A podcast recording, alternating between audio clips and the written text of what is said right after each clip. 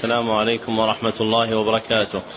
الحمد لله الذي صير الدين مراتب ودرجات وجعل للعلم به أصولا ومهمات. وأشهد أن لا إله إلا الله حقا وأشهد أن محمدا عبده ورسوله صدقا. اللهم صل على محمد وعلى آل محمد كما صليت على إبراهيم وعلى آل إبراهيم إنك حميد مجيد اللهم بارك على محمد وعلى آل محمد كما باركت على إبراهيم وعلى آل إبراهيم إنك حميد مجيد. أما بعد فحدثني جماعة من المسندين وهو أول حديث سمعته منهم بإسناد كل إلى سفيان بن عيينة عن عمرو بن دينار عن أبي قابوس مولى عبد الله بن عمرو عن عبد الله بن عمرو بن العاص رضي الله عنهما عن رسول الله صلى الله عليه وسلم قال الراحمون يرحمهم الرحمن ارحموا من في الأرض يرحمكم من في السماء. ومن آكد الرحمة رحمة المعلمين للمتعلمين في تلقينهم أحكام الدين وترقيتهم في منازل اليقين. ومن طرائق رحمتهم إيقافهم على مهمات العلم بإقراء أصول المتون وتبيين مقاصدها الكلية ومعانيها الإجمالية. ليستفتح بذلك المبتدئون تلقيهم. ويجد فيه المتوسطون ما يذكرهم ويطلع منه المنتهون إلى تحقيق مسائل العلم. وهذا شرح الكتاب السادس من برنامج مهمات العلم في مرحلته الأولى وهو كتاب التوحيد لإمام الدعوة الإصلاحية في جزيرة العرب في القرن الثاني عشر شيخ محمد بن عبد الوهاب التميمي رحمه الله المتوفى سنة ست بعد المئتين والألف. وقد انتهى بنا البيان إلى قوله باب ما جاء في الرقى والتمائم. نعم. بسم الله الرحمن الرحيم. الحمد لله رب العالمين وصلى الله وسلم على نبينا محمد. قال رحمه الله تعالى في بقية المسائل العاشرة أن تعليق الودع عن العين من ذلك. الحادية عشرة الدعاء على من تعلق تميمة أن الله لا يتم له ومن تعلق ودعة فلا ودع الله له. أي ترك الله له. باب ما جاء في الرقى والتمائم في الصحيح عن أبي بشير. مقصود الترجمة بيان حكم الرقى والتمائم. والرقى هي العوذة التي يعوذ بها من الكلام. هي العوذة التي يعوذ بها من الكلام. والتمائم هي ما يعلق لتتميم الأمر جلبا لنفع أو دفعا لضر. والفرق بينهما من جهة حقيقة كل هو أن الرقى عوذة ملفوظة ينفث فيها أن الرقى عوذة ملفوظة ينفث فيها وأن التمائم عوذة مكتوبة تعلق. فالرقية لا بد أن تجمع أمرين. أحدهما أن تكون عوذه يعوذ بها الإنسان وتطلب حمايته. والآخر أن تكون مقرونة بالنفث فيها. فتصحب قراءتها بريق لطيف. أما التميمة فإنها تجمع أمرين أحدهما أنها عوذة يعوذ بها الإنسان وتطلب حمايته والآخر أنها تكتب وتعلق. واضح؟ واضح المسألة هذه هذه مسألة مهمة. العودة لابد فيها من الرقية لابد فيها من وجود معنيين. أحدهما أنها عوذه يطلب بها الحماية والثاني أنها تكون مقروءة مصحوبة بريق ينفث فيها. والتمائم تجمع شيئين. أحدهما أنها عوذه يطلب بها الحماية والوقاية والثاني أنها مكتوبة تعلق. واضحة؟ طيب وعلى هذا ما يوجد في الأسواق مما يسمى بأشرطة آيات الرقية. ما حكمها؟ ما الجواب؟ أحسنت أحسنت أن إن كان المراد بها تعليم الناس الآيات القرآنية التي يرقى بها فلا بأس. كي يحفظوها وينتفعوا بقراءتها. وإن كان المقصود كما صار عليه عمل أكثر الناس أن يستعملوها في الرقية فإن الرقية لا تتحقق بها. فإن الذي يشغل المسجل وتقرأ فيه هذه الآيات ولا يصحب قراءته. نفث من القارئ بريق لطيفة على محتاج الرقية لا تكون رقية وإنما يكون استماع وإنما يكون استماعا للقرآن فالرقية لا بد فيها من مباشرة بالقراءة من الراقي وينفث بتلك الرقية التي يقرأ بها وإلا فإنها لا تكون رقية. نعم. في الصحيح عن أبي بشير الأنصاري أنه كان مع النبي صلى الله عليه وسلم في بعض أسفاره فأرسل رسولا ألا يبقين في رقبة بعير قلادة من وتر أو قلادة إلا قطعت. وعن ابن مسعود رضي الله عنه قال سمعت رسول الله صلى الله عليه وسلم يقول إن الرقى والتمائم والتولة شرك. رواه أحمد وأبو داود. وعن عبد الله بن عكيم مرفوعا من تعلق شيئا وكل إليه. رواه أحمد والترمذي. التمائم شيء يعلق على الأولاد عن العين. لكن إذا كان المعلق من القرآن فرخص فيه بعض السلف وبعضهم لم يرخص فيه ويجعله من المنهي عنه منه ابن مسعود رضي الله عنه. والرقى هي التي تسمى العزائم وخص منه الدليل ما خلا, ما خلا من الشرك. فقد رخص فيه رسول الله صلى الله عليه وسلم من العين والحمى. والتولة شيء يصنعونه يزعمون أنه يحبب المرأة إلى زوجها والرجل إلى امرأته. وروى الإمام أحمد عن رويفع قال قال لي رسول الله صلى الله عليه وسلم يا رويفع لعل, لعل الحياة ستطول بك فأخبر الناس أن من عقد لحيته أو تقلد وترا أو استنجى برجيع دابة أو عظم فإن محمدا بريء منه. وعن سعيد بن جبير قال من قطع تميمة من إنسان كان كعدل رقبة. رواه وكيع, رواه وكيع. وله عن إبراهيم كانوا يكرهون التمائم كلها من القرآن وغير القرآن. ذكر المصنف رحمه الله تعالى لتحقيق مقصود الترجمة ستة أدلة فالدليل الأول حديث أبي بشير الأنصاري رضي الله عنه أنه كان مع رسول الله صلى الله عليه وسلم في بعض أسفاره الحديث متفق عليه ودلالته على مقصود الترجمة في قوله إلا قطعت. فالأمر بالقطع دال على حرمة القلائد في رقاب الإبل المجعولة لدفع العين. ففي الحديث بيان حكم التمائم. والوتر هو حبل القوس الذي يشد به السهم عند إرادة رميه. هو حبل القوس الذي يشد به السهم عند إرادة رميه. والدليل الثاني حديث ابن مسعود رضي الله عنه قال سمعت رسول الله صلى الله عليه وسلم يقول إن الرقى والتمائم والتولة شرك. رواه أحمد وأبو داود وهو حديث صحيح. وفيه التصريح بحكمهن أن هؤلاء المذكورات في الحديث من الشرك والتولة من جنس التمائم. لكن أفردت بالذكر لعموم البلوى بها قديما وحديثا.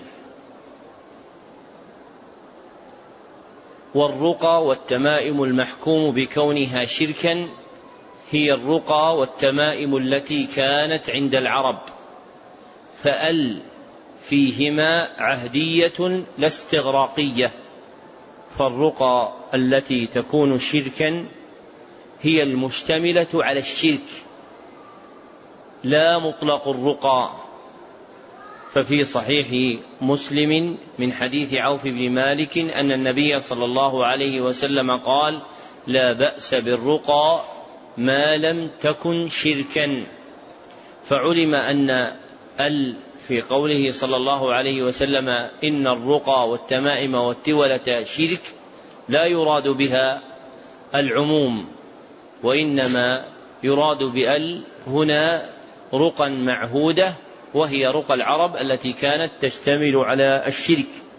وكذلك التمائم المحكوم بكونها شركا في حديث ابن مسعود ليست مطلق التعاليق بل هي تعاليق مخصوصة وهي التعاليق المشتملة على الشرك. أما التعاليق التي هي من القرآن فلا يحكم بكونها شركا بل هي خارجة من هذا العموم لكون ال هنا ليست استغراقية بل عهدية. فالتعاليق التي تكون من القرآن لا يحكم بكونها من الشرك وهي محرمة في أصح قولي أهل العلم. لكن لا يقال إنها شرك لأن قلب معلقها متوجه إلى سبب مشروع مأمور بالتداوي والاستشفاء به وهو القرآن الكريم. لكن صح عن النبي صلى الله عليه وسلم أحاديث أخرى عامة في التعليق كحديث عقبة بن عامر الذي تقدم من تعلق تميمة فلا أتم الله له. فهذا يعم التعاليق كلها فيكون من التعاليق ما هو محرم وهي التعاليق القرآنية ويكون من التعاليق المسماة بالتمائم ما هو شرك وهو ما اشتمل عليه. وبه تعلم أن الرقى نوعان أحدهما الرقى الشرعية وهي الرقى السالمة من الشرك. والآخر الرقى الشركية وهي الرقى المشتملة على الشرك. وتعلم أيضا أن التمائم تنقسم إلى قسمين أحدهما التمائم الشركية وهي المشتملة على الشرك. والثاني التمائم الشرعية أم المحرمة؟ يعني المحرمة التمائم المحرمة وهي التعاليق التي لا تشتمل على الشرك ومنها التعاليق القرآنية. والدليل الثالث حديث عبد الله بن عكيم رضي الله عنه أن النبي صلى الله عليه وسلم قال من تعلق شيئا وكل إليه. رواه أحمد والترمذي وهو حديث حسن. ودلالته على مقصود الترجمة في قوله وكل إليه فإن من وكل إلى غير الله هلك. فيدل على حرمة التعاليق لأنها مؤدية إلى الهلاك. وكل ما أدى إلى الهلاك فإنه محرم. والدليل الرابع حديث رويفع رضي الله عنه قال قال لي رسول الله صلى الله عليه وسلم يا رويفع الحديث. رواه أحمد كما عزاه إليه المصنف. وهو عند أبي داود والنسائي بإسناد صحيح فالعزو إليهما أولى.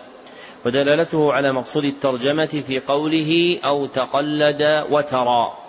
مع قوله فإن محمدا بريء منه. فبراءته صلى الله عليه وسلم من الفاعل دالة على حرمة فعله وهو تقلد الوتر ابتغاء دفع العين كما كانت العرب تعتقده. والدليل الخامس أثر سعيد بن جبير من قطع تميمة من إنسان الحديث رواه وكيع بن الجراح في جامعه وابن أبي شيبة في مصنفه بسند ضعيف.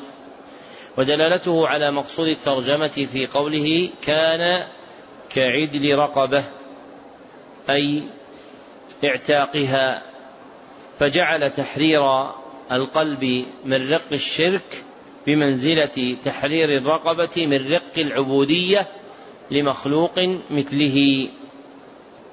وعد هذا دليلا على قول من يرى من أهل العلم أن أقوال التابعين التي لا تكون من قبل الرأي لها حكم الرفع كجنسها من أقوال الصحابة رضي الله عنهم. فإن أقوال الصحابة التي لا تقال من قبل الرأي تكون مرفوعة في قول جمهور أهل العلم وذهب بعض أهل العلم إلى أن ما جاء في هذا الباب عن التابعين يلحق به فحينئذ يكون أثر سعيد رضي الله عنه موقوف لفظا مرفوع حكما ويكون مرسلا لأنه مرفوع تابعي. والدليل السادس أثر إبراهيم قال كانوا يكرهون التمائم كلها. الحديث رواه ابن أبي شيبة في المصنف بإسناد صحيح. وإبراهيم هو ابن يزيد النخعي. وإذا أطلق النقل عن إبراهيم في كلام أهل العلم فهو النخعي. ودلالته على مقصود الترجمة في قوله يكرهون لأن الكراهة في عرف المتقدمين يراد بها التحريم. نص عليه أبو عبد الله بن القيم في إعلام الموقعين وتلميذه أبو الفرج بن رجب في جامع العلوم والحكم. ومراد إبراهيم رحمه الله بقوله كانوا يكرهون أصحاب ابن مسعود رضي الله عنه ولم يرد أصحاب النبي صلى الله عليه وسلم فإن إبراهيم يستعمل هذا التركيب في الخبر عن أصحاب ابن مسعود فكان يقول كانوا يكرهون وكانوا يفعلون وكانوا يستحبون ونظائر هذا. وعد هذا دليلا لأنه اتفاق جم غفير من أصحاب عبد الله بن مسعود من الكوفيين وهم من الأتباع وكان لهم في العلم والدين مكانة عظيمة. نعم. قال رحمه الله تعالى فيه مسائل. الأولى تفسير الرقى وتفسير التمائم. الثانية تفسير التولة. الثالثة أن هذه الثلاثة كلها من الشرك من غير استثناء. قوله رحمه الله الثالثة أن هذه الثلاثة كلها من الشرك من غير استثناء يعني باعتبار ما كانت تعرفه العرب منها. فالرقى والتمائم والتولة المعروفة عند العرب كلها من الشرك من غير استثناء. ولا يريد رحمه الله تعالى بذلك العموم. لما تقدم أن من الرقى ما هو رقية شرعية وأن من التمائم ما هو تميمة محرمة ليست بشركية. فلا محيد عن أن يحمل كلامه على إرادة ما كان منها معروفا عند العرب قبل الإسلام. نعم. الرابعة أن الرقية بالكلام الحق من العين والحمة ليس من ذلك.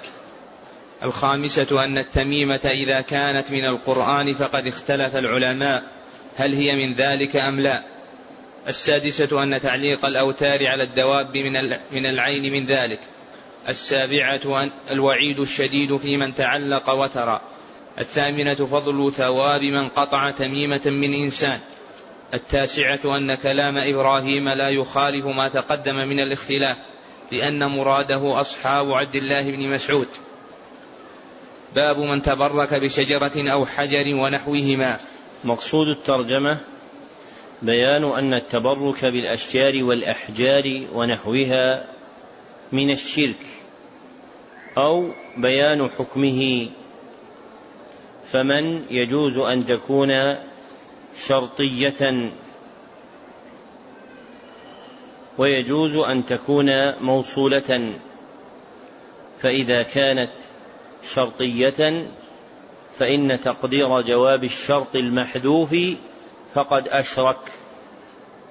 فيكون تقدير الكلام باب من تبرك بشجر أو حجر بشجرة أو حجر أو نحو ونحوهما فقد أشرك.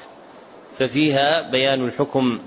وعلى الثاني وهو تقدير كونها موصولة يكون تقدير الكلام باب بيان حكم الذي تبرك بشجرة أو حجر أو نحوهما.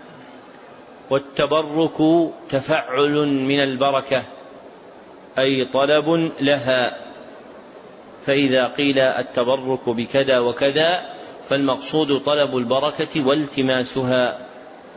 والبركة هي كثرة الخير ودوامه. هي كثرة الخير ودوامه. والتبرك يكون شركا في حالين. الأولى إذا اعتقد استقلال المتبرك به في التأثير. إذا اعتقد استقلال المتبرك به في التأثير. وهذا شرك أكبر. والثانية إذا لم يعتقده مؤثرا مستقلا. لكن تبرك بما ليس سببا للبركة. أو رفع سببا ماذونا به في طلب البركة فوق ما ينبغي شرعا وهذا شرك أصغر. فالتبرك يحكم عليه أنه شرك أصغر في صورتين. إحداهما أن يتبرك بما ليس سببا للبركة دون اعتقاد كونه سببا مؤثرا. والثانية أن يرفع سبب البركة المأذون به فوق ما ينبغي شرعا. ما هو الذي ينبغي شرعا مع سبب البركه ما هو الذي حدده الشرع في السبب؟ يا أخي عمر. أن يطمئن إليه ويستبشر به. فالمقدر شرعا في تعلق القلب بسبب البركة أن يطمئن إليه ويستبشر به. فإذا زاد فوق هذا الحق فوق هذا القدر من تعلق القلب به وركون العبد إليه فيقع العبد بذلك في الشرك الأصغر. ومعرفة أسباب البركة مردها إلى الشرع فلا يعول على إثباتها إلا بطريق شرعي. كما أن كيفية التبرك بالأسباب الشرعية من أسباب البركة يكون على الوجه الشرعي. هذه قاعدة فيها مسألتان عظيمتان. إحداهما أنه لا يحكم بكون شيء سببا للبركة إلا بطريق الشرع. والثانية أنه إذا حكم بكونه سبب من أسباب البركة تبرك به على الوجه المأذون به شرعا دون غيره. فمثلا لو أن إنسانا قال إن ماء البلدة الفلانية غير زمزم ماء مبارك يكون قوله صحيحا أم غير صحيح؟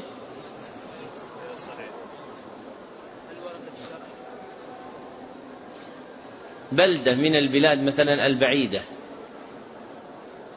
مدينة من المدن قال هذه ماءها مبارك وينصح بأن الإنسان يذهب إليه ويلتمس منه البركة في شربه والاغتسال به ونحو ذلك. ليس سببا للبركة لأنه لم يأتي من الشرع تقدير مثلا أن مدينة الرياض مثلا ماؤها مبارك. طيب. فلو أن إنسانا قال إن ماء زمزم ماء مبارك صحيح أم غير صحيح؟ صحيح.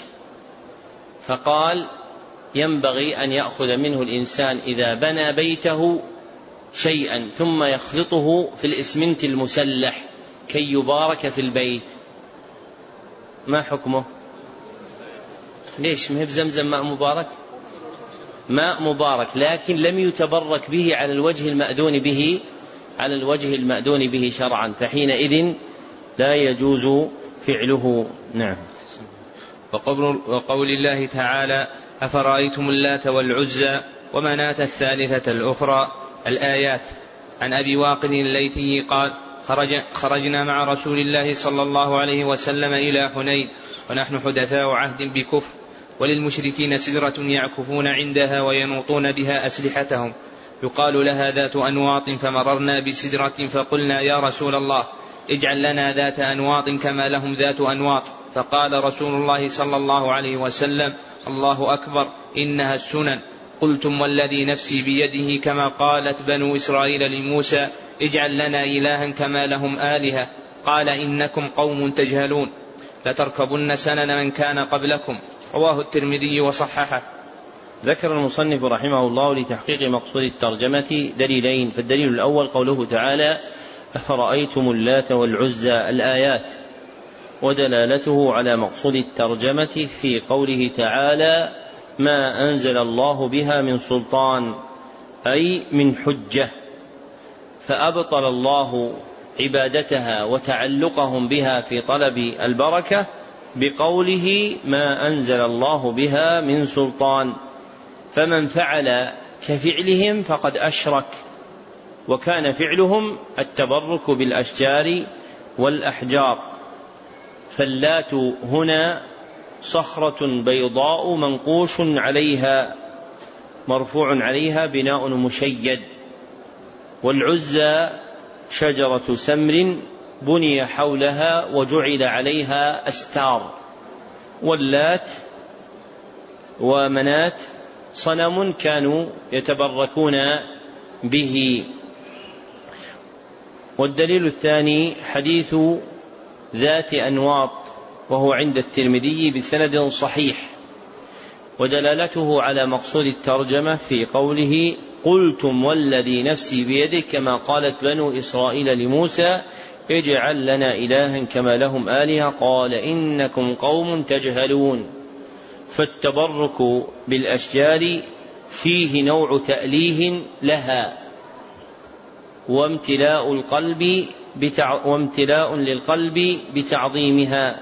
فقرأ النبي صلى الله عليه وسلم الآية مصدقة لحالهم التي صاروا عليها أنهم طلبوا أمرا من أمور الشرك. ومعنى ينوطون بها أسلحتهم أي يعلقون بها أسلحتهم متبركين. نعم. الله قال رحمه الله تعالى فيه مسائل. الأولى تفسير آية النجم. الثانية معرفة صورة, معرفة صورة الأمر الذي طلبوا. الثالثة كونهم لم يفعلوا الرابعة كونهم قصدوا, قصدوا التقرب إلى الله بذلك لظنهم أنه يحبه الخامسة أنهم إذا جهلوا هذا فغيرهم أولى بالجهل السادسة أن لهم من الحسنات والوعد بالمغفرة ما ليس لغيرهم السابعة أن النبي صلى الله عليه وسلم لم يعذرهم بل رد عليهم بقوله الله أكبر إنها السنن لتتبعن سنن من كان قبلكم. فغلظ الأمر بهذه الثلاث. الثامنة الأمر الكبير وهو المقصود أنه أخبر أن طلبهم كطلب بني إسرائيل. التاسعة أن نفي هذا من معنى لا إله إلا الله مع دقته وخفائه على أولئك. قوله رحمه الله التاسعة أن نفي هذا من معنى لا إله إلا الله مع دقته وخفائه على أولئك أي نفي اعتقاد البركة.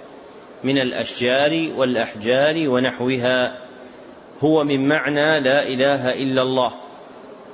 ولو كان لا ينافيها لما أنكره رسول الله صلى الله عليه وسلم عليهم وقرأ الآية الدالة على تصديق كونه تأليها ولكن لدقة هذا خفي عليهم وإذا كان يخفى على أمثالهم فخفاؤه على من بعدهم أولى وأحرى فالحاجة إلى تعلم التوحيد ماسة. نعم. العاشرة أنه حل أنه حلف على الفتيا وهو لا يحلف إلا لمصلحة. الحادية عشرة أن الشرك فيه أكبر أكبر وأصغر لأنهم لم يرتدوا بذلك.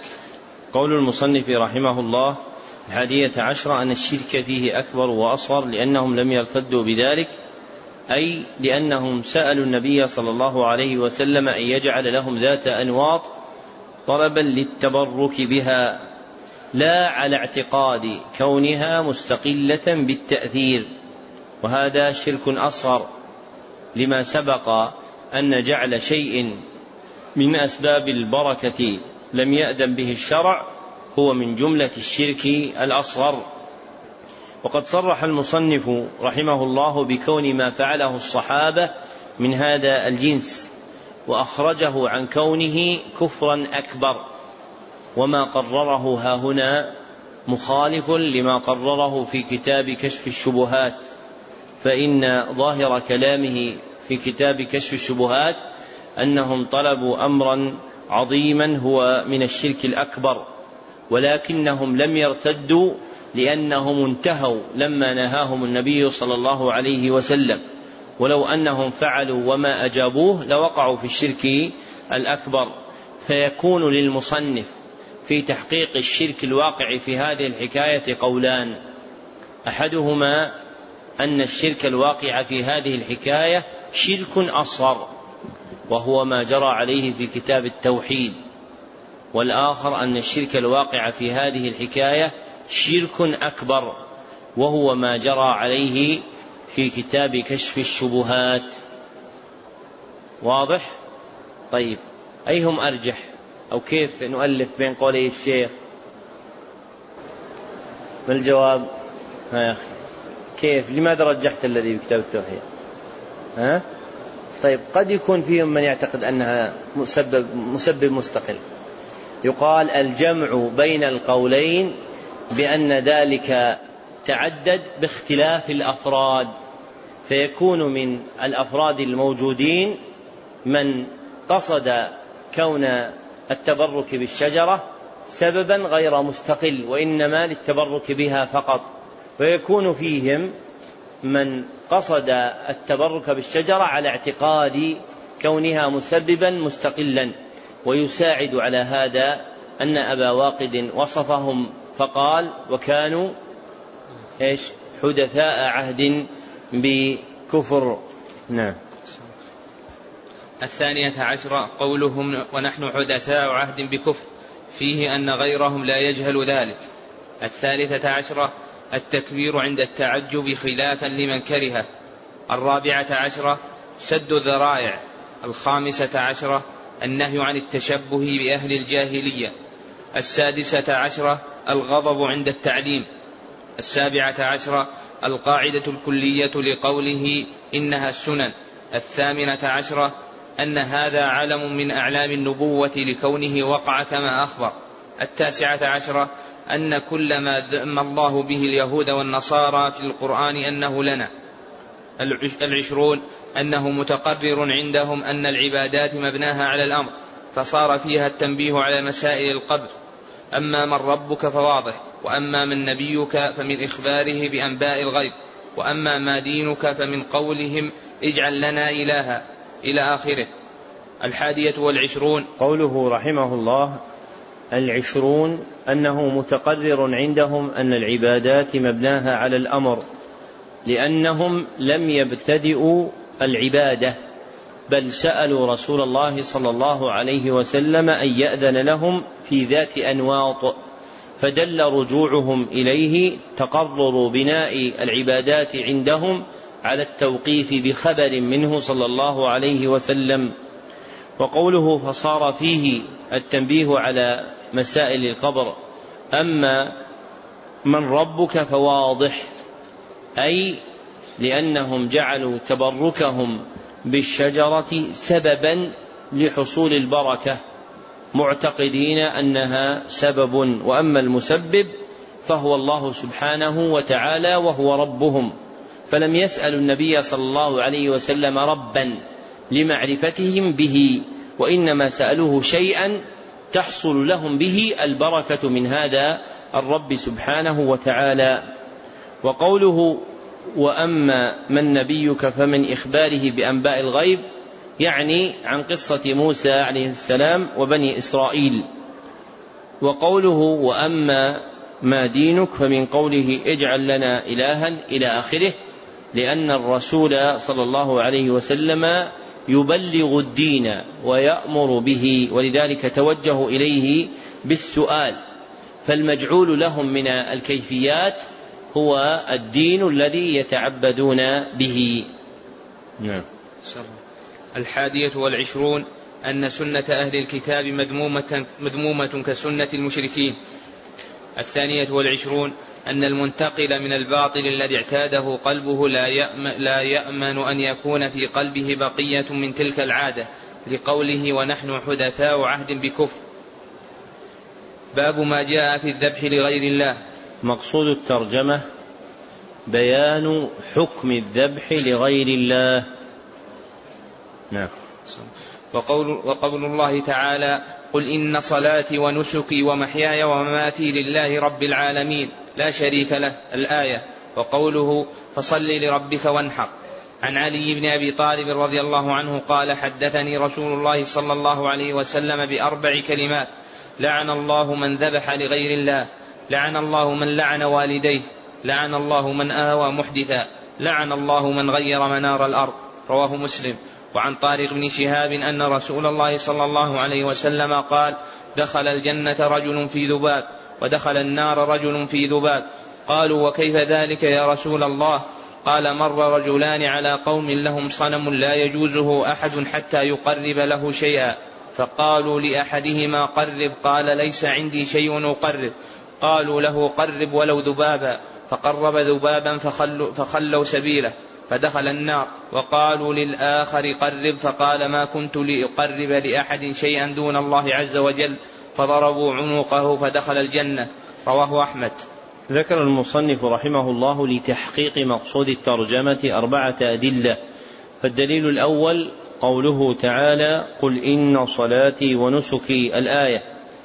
ودلالته على مقصود الترجمة في قوله ونسكي مع قوله لله رب العالمين.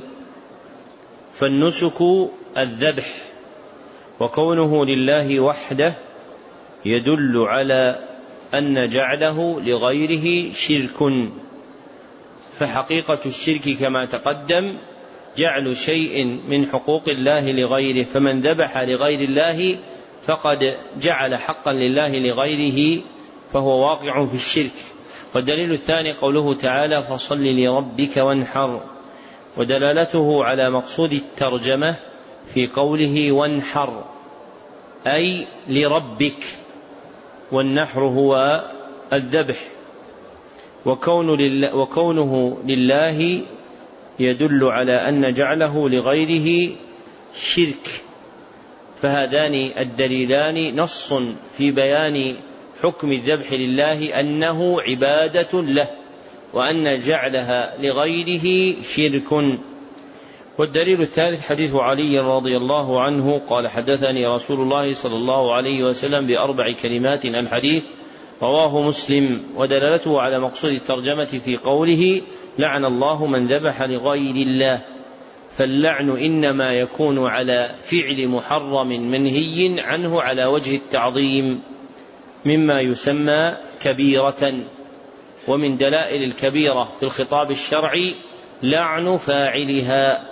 ففيه بيان أن الذبح لغير الله كبيرة من الكبائر وتقدير هذه الكبيرة كونها شركا بالدليلين السابقين آنفا. والدليل الرابع حديث طارق بن شهاب رضي الله عنه أن رسول الله صلى الله عليه وسلم قال دخل رجل رجل الجنة بذباب الحديث رواه أحمد كما عزاه إليه المصنف.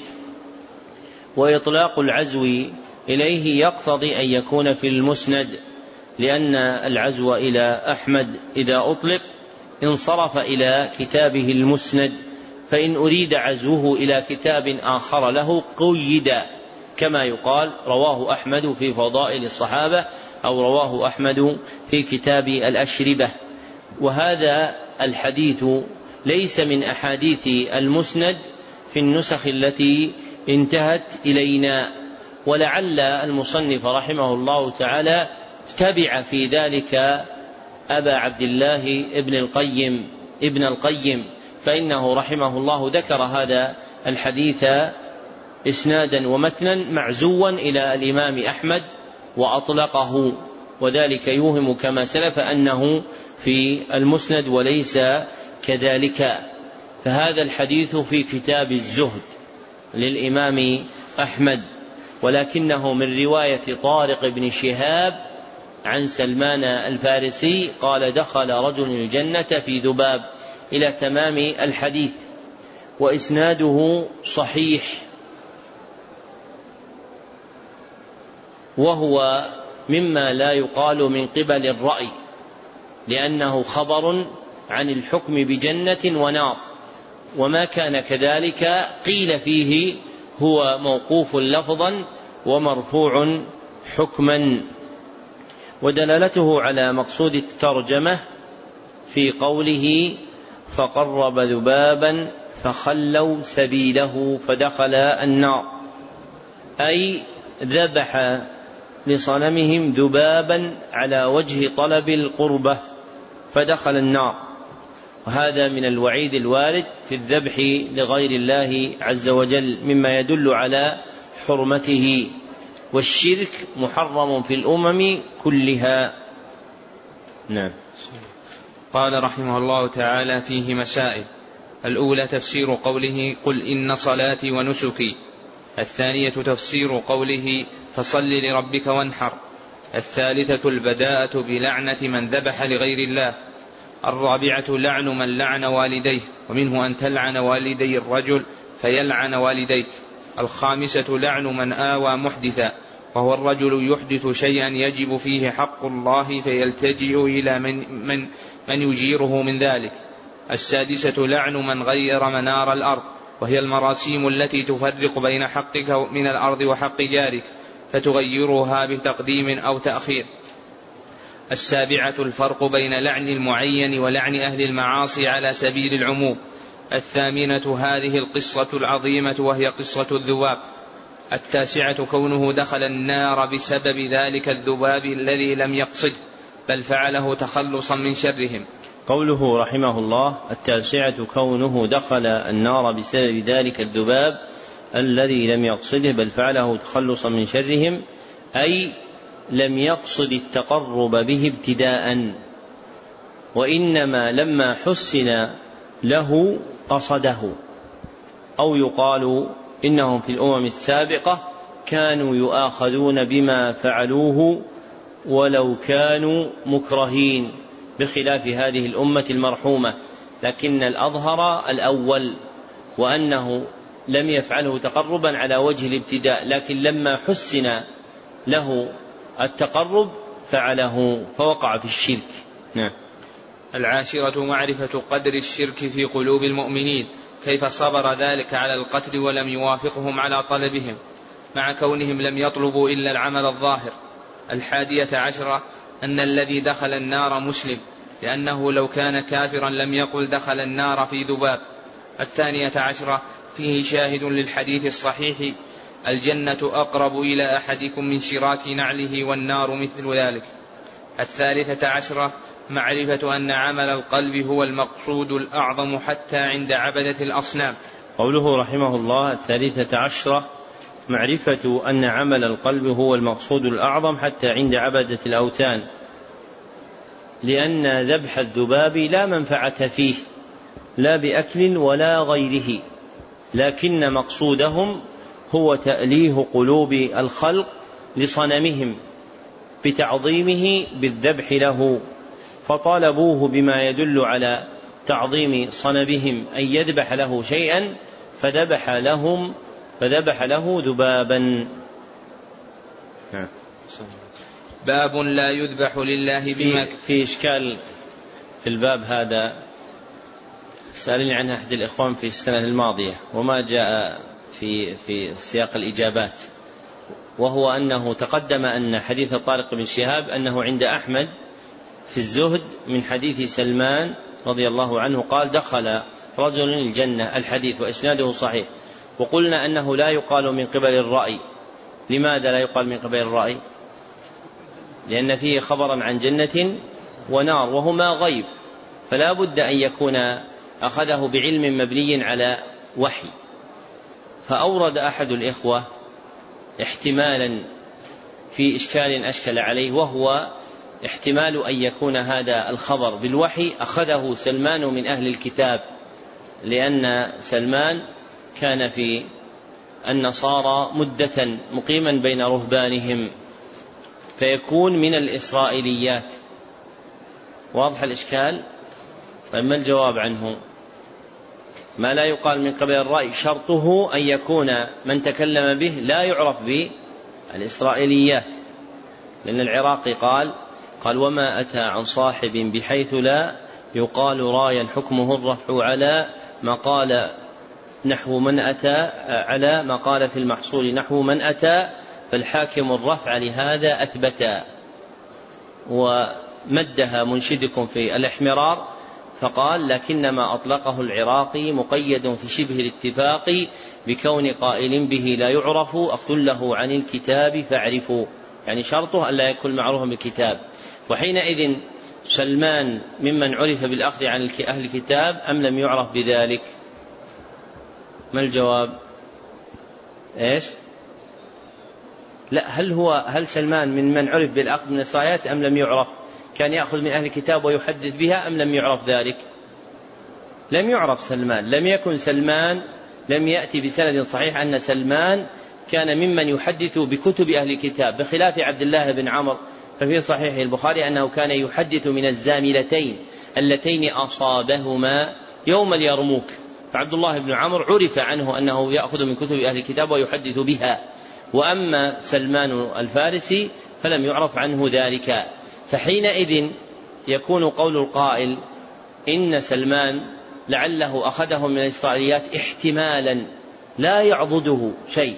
والأصل في الصحابة أنهم لا يحدثون بشيء يتعلق بعلم الغيب إلا عن علم أخذوه من النبي صلى الله عليه وسلم. ولذلك قال أبو هريرة لما حدث بحديث قال له كعب الأحبار أنت سمعته من رسول الله صلى الله عليه وسلم؟ فقال أبو هريرة أتراني أقرأ التوراة في كتاب التفسير من صحيح مسلم. فأنكر عليه كعب ذلك وأن وبين له أبو هريرة أنه ليس ممن يقرأ في التوراة. والصحابة الأصل فيهم أنهم لم يكونوا يقرؤون كتب أهل الكتاب. نعم. باب لا يذبح لله بمكان يذبح فيه لغير الله. مقصود الترجمة بيان تحريم الذبح لله في مكان يذبح فيه لغير الله. بيان تحريم الذبح لله في مكان يذبح فيه لغير الله. ولا نافية. ويحتمل أنها للنهي. فيصير الكلام باب لا يذبح لله بمكان يذبح فيه لغير الله. واستظهر حفيد المصنف عبد الرحمن بن حسن في فتح المجيد أنها للنهي. والنفي أصلا هو نهي وزيادة. والأصل في النهي كونه للتحريم. والنفي دال على هذا المعنى أي معنى التحريم. وزيادة تأكيد فيما قصد نفيه. فعلى الوجهين فالترجمة موضوعة لبيان تحريم الذبح لله في مكان يذبح فيه لغير الله وتحريم الذبح بمكان يذبح فيه لغير الله وقع لأمرين. أحدهما توقي مشابهة المشركين في عباداتهم. توقي مشابهة المشركين في عباداتهم.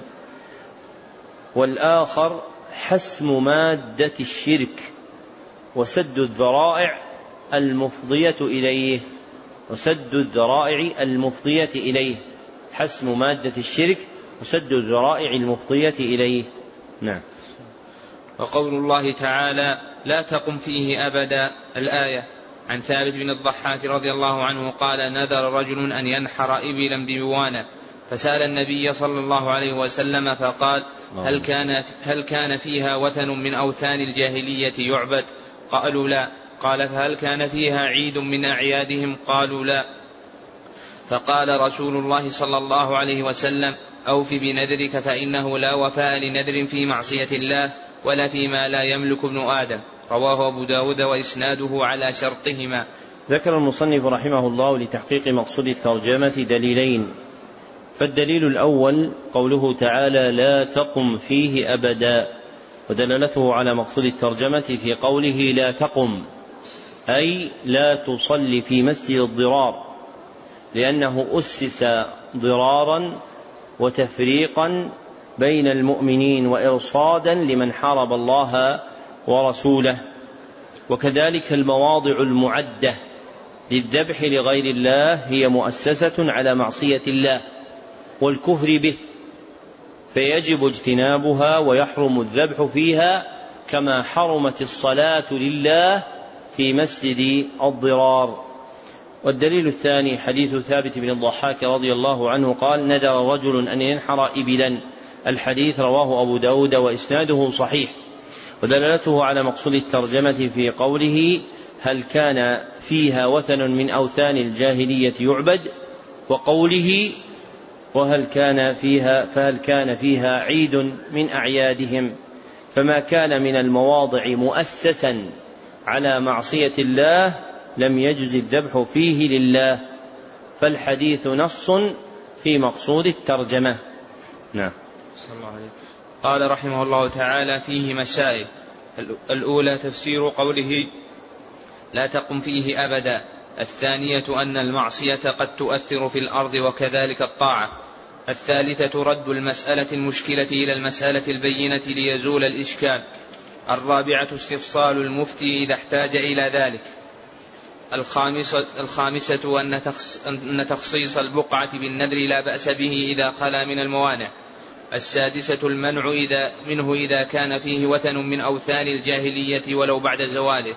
السابعة المنع منه إذا كان فيه عيد من أعيادهم ولو بعد زواله. الثامنة أنه لا يجوز الوفاء بما نذر في تلك البقعة لأنه نذر معصية. التاسعة الحذر من مشابهة المشركين في أعيادهم ولو لم يقصد. قوله رحمه الله التاسعة الحذر من مشابهة المشركين في أعيادهم. ولو لم يقصده أي ولو لم يقصد ما قصدوه في معنى العيد أو زمانه أو مكانه. فأعياد المسلمين اثنان لا ثالث وراءهما هما عيد الفطر وعيد الأضحى وما عداهما فمن أعياد الجاهلية. ومن اتخذ عيدا للوطن أو للزواج أو للأولاد أو غيرها غيرها من المناسبات ففعله من فعل من جنس فعل المشركين.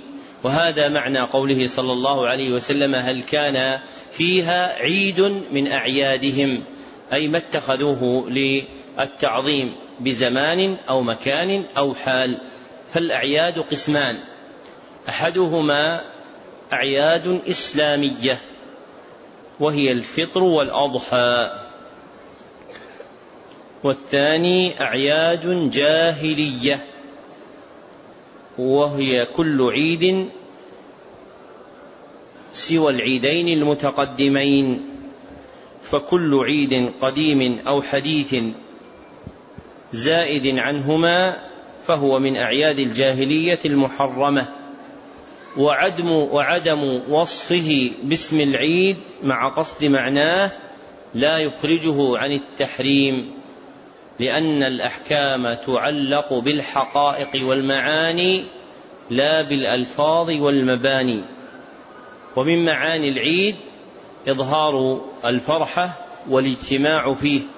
فإذا وجد معنى العيد في شيء ما حرم إلا عيدا أذنت الشريعة فيه سواء سمي ذلك عيدا أو يوما أو مشهدا أو ملتقا أو اجتماعا أو مقاما أو غير ذلك من الألفاظ.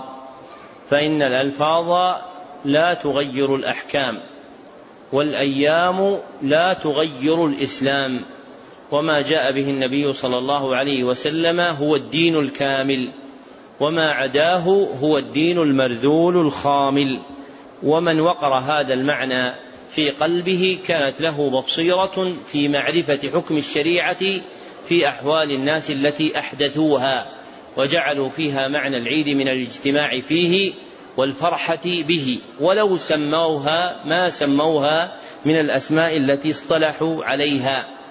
ومن أنفع الكتب في تجرية هذه المسألة كتاب اقتضاء الصراط المستقيم لأبي العباس بن تيمية الحفيد رحمه الله.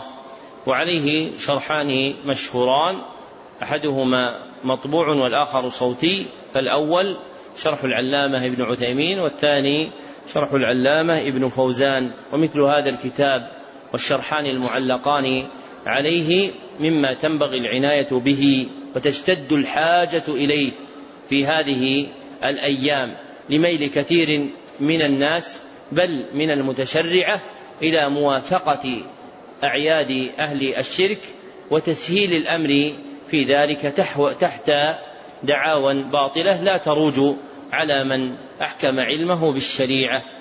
نعم. العاشرة لا نذر, لا نذر في معصية.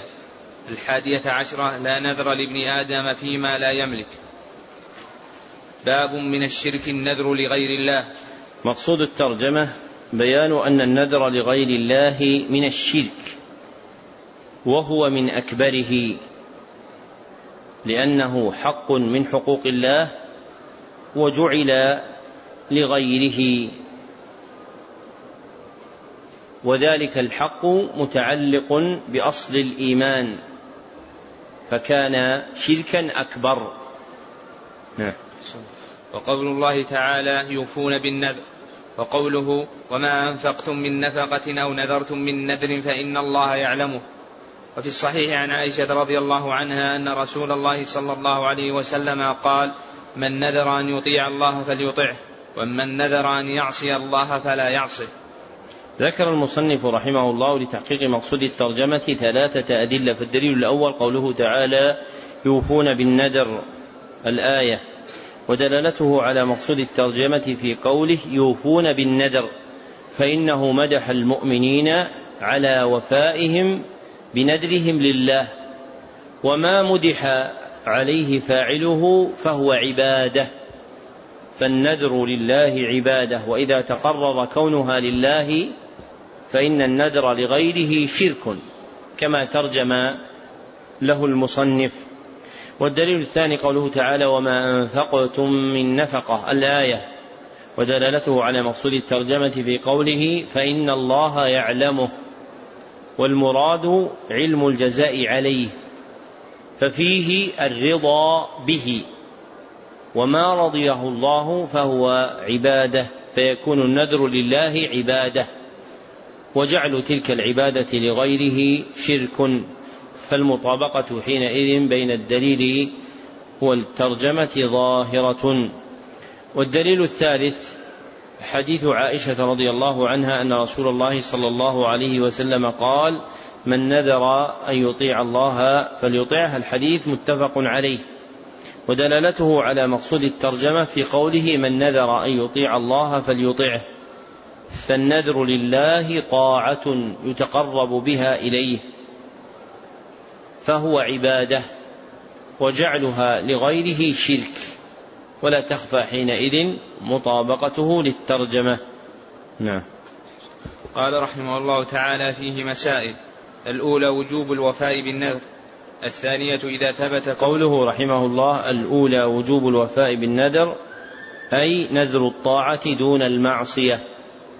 فأل عهدية يراد بها فرد خاص من أفراد النذر وهو نذر الطاعة وليست استغراقية تعم جميع الأفراد.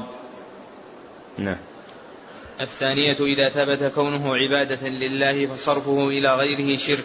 قوله رحمه الله الثانية إذا ثبت كونه عبادة لله فصرفه إلى غيره شرك تقدم أن الموافق لخطاب الشرع وهو أدل في المعنى أن يقال فجعله لغيره شرك. نعم.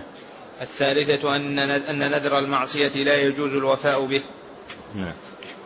باب من الشرك الاستعاذة بغير الله. مقصود الترجمة بيان أن الاستعاذة بغير الله شرك. وهي من الشرك الأكبر لأنها تتضمن جعل شيء يتعلق بأصل الإيمان لغير الله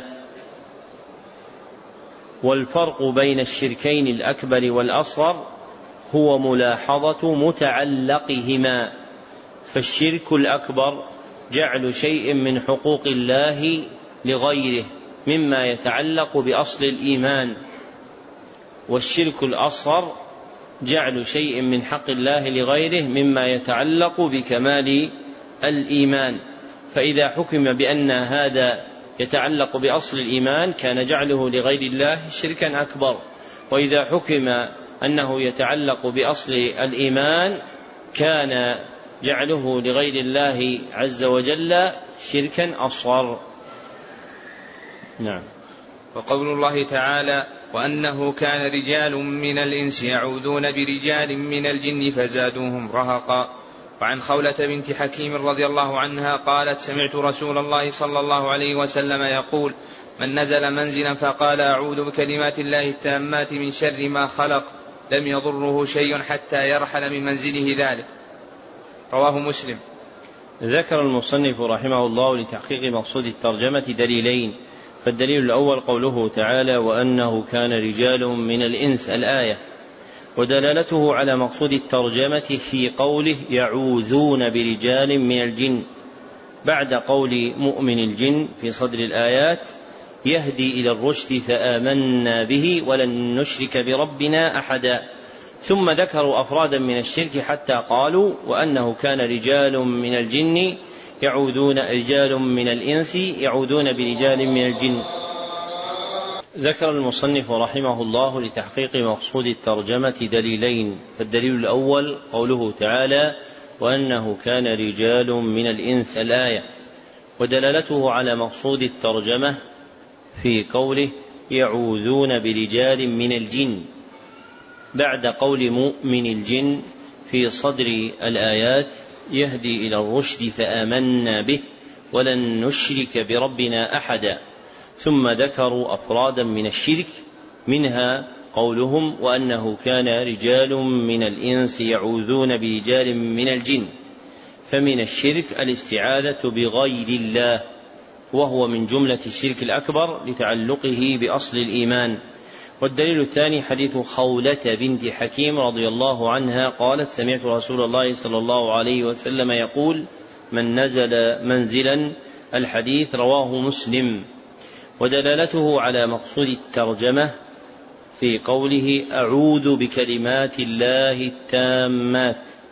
فكلمات الله التامات صفة له سبحانه فالاستعاذة بالله وبأسمائه وصفاته توحيد والاستعاذة بغيره شرك وتنديد لما فيها من جعل حق لله لغيره.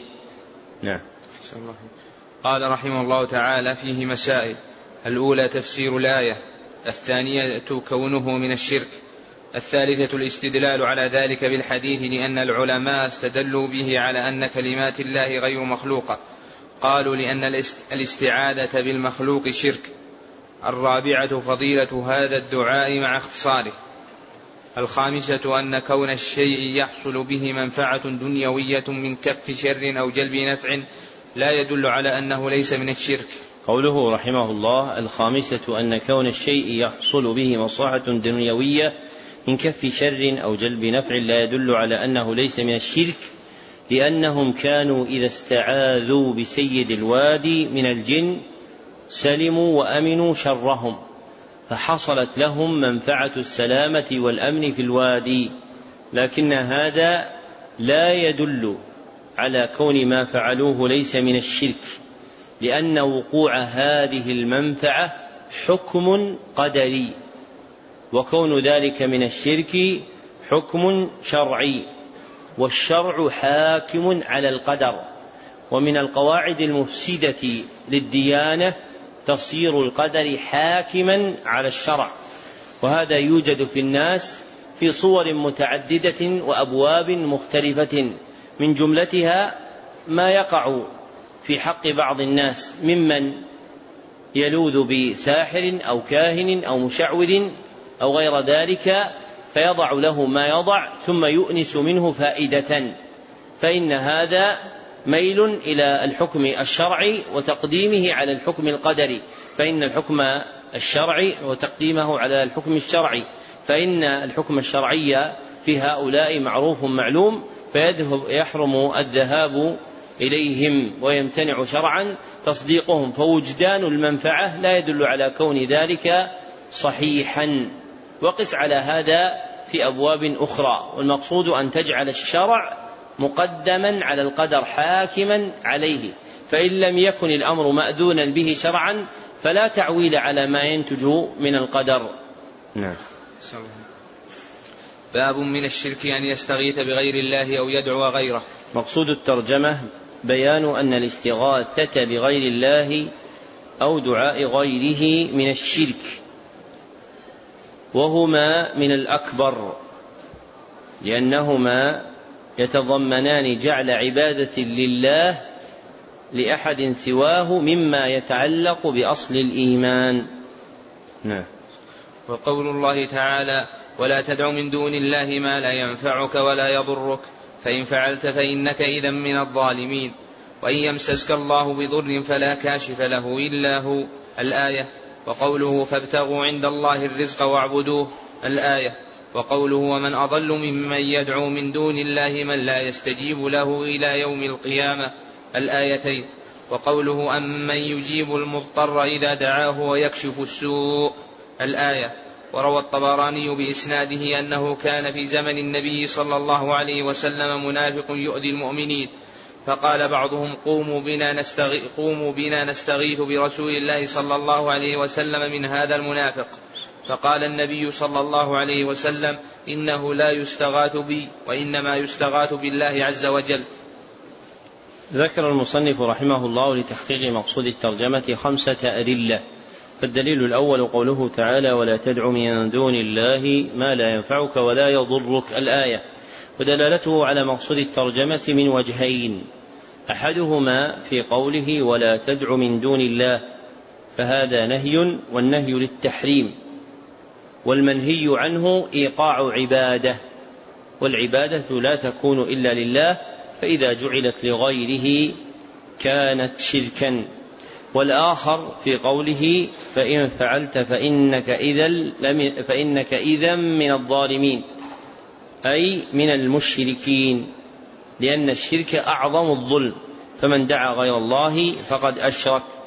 والدليل الثاني قوله تعالى فابتغوا عند الله رزقا واعبدوه ودلالته على مقصود الترجمة في قوله تعالى واعبدوه فهو أمر بعبادته ومن عبادته سبحانه دعاؤه والاستغاثة به وحده. مع قوله في صدر الآية إنما تعبدون من دون الله أوثانا.